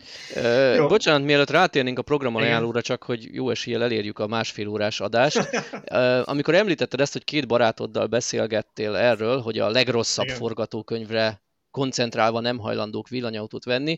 Erről nekem eszembe jutott egy ma és a minap olvasott ö, érdekesség, mert a Facebook kommentelőkről is sokat beszélgettünk, hogy, hogy nem én tagja vagyok egy lakókocsis Facebook csoportnak is, és tavasszal egy olvasónk tesztelte, hogy a Skoda enyakkal hogyan lehet lakókocsit vontatni, mennyire fájdalmas. Az ő tesztjénél kijött az, hogy 150 kilométerenként fél óra töltés, vagy 200 kilométerenként egy óra töltés, és így simán lehet az enyakkal haladni. És én ezt a cikket bemerészeltem dobni ebbe a lakókocsis Facebook csoportba, csak úgy, mint érdekesség, hogy vajon hogy reagálnak az emberek, és mindenki kiakadt, hogy persze lemegyek Horvátba 600 km és állok 4 órát útközben tölteni. Mm, igen, van ilyen, van, aki nyaraláskor is rohan, de ma reggel teljesen villanyautótól függetlenül valaki feltett egy kérdést ebbe a csoportba, hogy ő még kezdő lakókocsis, nem volt hosszabb úton, ezért a tapasztaltaktól szeretném megkérdezni, hogy milyen átlagos tempóval számoljon, ha ő el akar indulni hosszabb útra. Egyszerűen azért, mert szeretné tudni, hogy, hogy egy napra milyen maximális távot tehet be. És erre az egyik kommentelő, aki egyébként brutál sok lájkot kapott, tehát úgy gondolom a többiek ezzel egyetértenek, idézek. Indulás után fél órával családi pisilés plusz 15 perc. Az első településnél ilyen halás, ezért egy hamburgeresnél megállunk, összekoszoljuk a kocsit, egy kicsit ki kell takarítani, plusz 60 perc. A következő faluban rájövünk, hogy elfelejtettünk üdítőt venni, ezért meg kell állnunk, plusz 20 perc. Ajaj, nem tankoltunk, egy negyed órára megint megállunk, de hoppá, most már pisilni kell az üdülőtől, most jöttünk el a kúttól, nem baj, megállunk a következőnél plusz 15 perc. És így, így érünk le Budapestről Egerszalókra másfél nap alatt. Jó, nyilván, tehát ilyen is ön is van, persze természetesen van az, aki, aki bele az autóba, a dízelbe, és elmegy vele 800 kilométert, és, és a gyerek végig alussza, és ők nem állnak meg, mert ők szeretnék minden odaérni, és ez teljesen nem, hogyha valaki ha valaki emiatt úgy gondolja, hogy neki még nincs megfelelő elektromos autó, vagy, vagy egyszerűen túl drága, ha csak ők tartják meg a benzineseiket, akkor meg a dízeleket, akkor az égvilágon semmi baj, nem lesz, megtarthatják 20 évig. Nyilván az a lényeg, hogy a legtöbb felhasználási területen jobb megoldásra cseréljük. Én egyébként, amikor erről beszélgettünk, ha már erről volt szó, én azt mondtam, hogy, mert ő azt mondta egyik barátom példának, hogy hát ők 400 mennyi kilométert mennek egy húzamban, mondom, oké, az én utam az egyébként nem 400 volt, hanem majdnem 1000 kilométer, tehát 1000 kilométerre valószínűleg te is megálltál volna, mert egy 400 kilométert az ember visszatartja, ami szükséges input outputot az egy dolog, de 1000 kilométeren keresztül nem fogsz, ami 8 és fél óra, hogyha nem veszed le a lábad a gázpedáról akkor is. Meg a másik az, hogy tényleg nem egyformák vagyunk, van, aki úgy szeret elmenni valahova, hogy ezt is mondtam, hogy csomóan éjszaka vezetnek, én gyűlölök. Én nem fogok este tízkor elindulni, vagy hajnali kettőkor, mert nem akarok eludni útközben, én jobban szeretem, hogyha inkább elindulok reggel mondjuk hatkor, és akkor rááldozom azt a napot, de nem fogok éjszaka vezetni, de hát mindenki máshogy. máshogy én, én meg inkább megosztom a távot, és ezt megosztottam hagyományos autóval, és foglaltam egy szállást útközben, és nem autóztam 12 órát, és hullafáradtan értem célba, hanem inkább kétszer 6 vagy 4 plusz 8 felosztásban. Na de ez csak azért kellett, hogy legyen egy kis villanyautós téma is az energetikai témájú villanyórában. Nem mondhassák, hogy nem vagyunk hűek a oldal. Meg lehet, meg lehet nyugodni, 2035-ig lesznek még majd olyan elektromos autók, amikkel már valószínűleg ezt a hatótávot is le lehet tudni. Úgyhogy nem kell mindenkinek azonnal lecserélni az autóját. Na, akkor viszont áttérve a hétvégi programajánlóra, Szöcske, akartál arra egy kicsit nekünk promózni valamit? Ö, igen, én egy csupán egy remek programot szeretnék ajánlani, aminek van villanyautós vonatkozása és érdekessége is. Zsolnai Fényfesztivál tartanak mától vasárnapig, tehát aki még időben hallgatja az adást, az még odaér most hétvégén. Várjál, de dátumot mondjuk ne, ne, ne Igen, ne, bocsánat, július, július 7-től 10-ig, ugye ezt mi 7-én vesszük fel, valamikor 8-9-én kimegy a, az úri közönségnek, tehát aki amikor a YouTube üzenet felvillan, rögtön meg is hallgatja, mert alig várta, hogy jöjjön a heti villanyóra, ő még ha kocsiba pattan, akkor, akkor simán odaér és megcsodálhatja ezt. Aminek az az érdekessége idén, hogy a Fényfesztivál főszponzora, a MOL Plagi biztosítja az energiaellátását, mégpedig Hyundai Ioniq 5-tel, aminek van egy ilyen V2L kompatibil funkcionalitása, tehát gyakorlatilag az autó akkumulátorát meg lehet fejni, és ebből akár 3,6 kW-tal megtáplálni bármilyen eszköz gyakorlatilag. Uh-huh. Na és ilyennel, ilyennel fog működni ez a, ez a félfe, fényfesztivál. Hol lesz, hol lesz a Pécs, fesztivál? Pécsen lesz ez a fényfesztivál. Várj, várj, várj, Pécsen, Pécs, és Pécsen hogy fognak ezek parkolni? Hát Ö... regisztrálni kell, és mi van most péntek, mire kimegy szombat? Igen, nem tudom, hogy a hétvégi parkolási rendszer mi, de igen, Pécsen vigyázni kell arra, hogy előzetes e-mailes regisztrációval ingyenes már csak a parkolás a kizárólag elektromos autóknak, és legutóbbi olvasóktól kapott információink szerint 5 nap már ennek az átfutása, annak ellenére, hogy eredetileg egy napot ígértek, tehát ha valaki szeretne Pécsen parkolni, mert odautazik a hétvégére, az időben oldja meg a Igen. regisztrációt, vagy fizessen a parkolásért, ne felejtsen el parkolójegyet venni. Én annyiban, annyiban tenni csak egy kis csillagot, az ígértek, mielőtt valaki tényleg számon kér rajtuk, hogy nagyon kedves és segítőkész volt az ügyintéző, akivel én beszéltem a, a, a non-profit Kft-nél, aki, aki a parkoláson dolgozik Pécset, és hát elmondta, hogy hivatalos mondja az lenne, hogy írunk egy levelet a cégnek, és ők egy hivatalos álláspontot, tudom, egy kommunikációt kiadnak arról, hogy milyennek a módja átfutása, de én nem szerettem volna ezzel napokat várni, hogy az olvasókkal megosszuk, hogy mondta, hogy hát kéri, hogy ne úgy vegyük, hogy, hogy ő ezt most megígérte, hogy ez 24 órában mindenkinek, ők úgy érzik, hogy valószínűleg tudják azt tartani, ezt a tempót. Nyilván ők, ők se számítottak, hogy nagyon sokan be fognak regisztrálni ez a just case, hogy biztosan biztos meglegyen nem hiszem, hogy hirtelen ezrek indultak meg Pécs felé, valószínűleg pár úgy vannak vele, hogy gyorsan beregisztrálnak, legyen, legyen csak leadva a rendszámuk. Pont azért, mert lehet, Igen. hogy a jövő héten megjelenik egy hír a villanyautósok.hu, hogy fényfesztiválon, és hó, menjünk el, nézzük meg, és fizethetek a parkolásért, na nem már. Pontosan. Szóval, hogy érdemes Pécsnél kicsit rászállni erre a regisztrációs történetre, ugye ezt emberek dolgozzák fel, nem egy automata rendszer, de egyébként az is működik, hogy, hogy ha valaki utólag bemutatja a forgalmiát a kasszánál, akkor elengedik a büntetést, nyilván nem kéne ebből rendszert csinálni, de nem, nem vas szigor van, tehát hogyha valaki nem tudta, hogy ott az elektromos autóval nem lehet már ingyen parkolni, ha elviszi a személyes az ügyfélszolgálatra a forgalmit, amiben benne van az elektromos autó, akkor nem kell kifizetni a büntetést, és ha jól tudom, jelenleg egyébként figyelmeztetnek csak, tehát most még nem is repkednek a büntetések, azt hiszem a hónap végéig. Igen, én is ezt olvastam a Biocom Kft. Nonprofit Kft. honlapján, hogy július 31-ig átmeneti időszakban figyelmeztetés van. Nem tudom, hogy ez, ez, ez ugye tényleg csak az, hogy kapok egy cetlit, hogy hello, legközelebb ne, remélhetőleg nem arról van szó, hogy ez a figyelmeztetés azt jelenti, hogy ha bemutatom, elengedik a büntit, mert ugye egy helyinek megoldható, hogy megbüntettek, holnap után besétálok a irodába és bemutatom a forgalmimat, de hogyha én oda mentem más országból egy-két éjszakára, mint például Miskolc. Fog, mint például Miskolc, akkor nem fog visszautazni azért, hogy elintézzem, akkor inkább uh-huh. elmormolok az orrom alatt egy-két keresetlen szót, és befizetem a csekket. Igen, igen ez teljesen így van, ez, ez, ez valóban egy valós probléma. Jó, hát minden esetre, aki, akinek van kedve ezt a fényfesztivált megnézni, az nézze meg, aztán írja meg a kommentekben, hogy milyen volt, meg milyen volt a parkolási tapasztalat a Pécset. Úgyhogy srácok, nagyon szépen köszönöm, hogy szórakoztattatok ott a közönségünket ezen a héten is. Megköszönjük minden hallgatónak, nézőnek, olvasónak, hogy rendszeresen minket választ. És akkor jövő héten újra szokásos, hagyományos villanyóra lesz. Addig is mindenkinek jó nyarat. Viszontlátásra. Sziasztok! Sziasztok!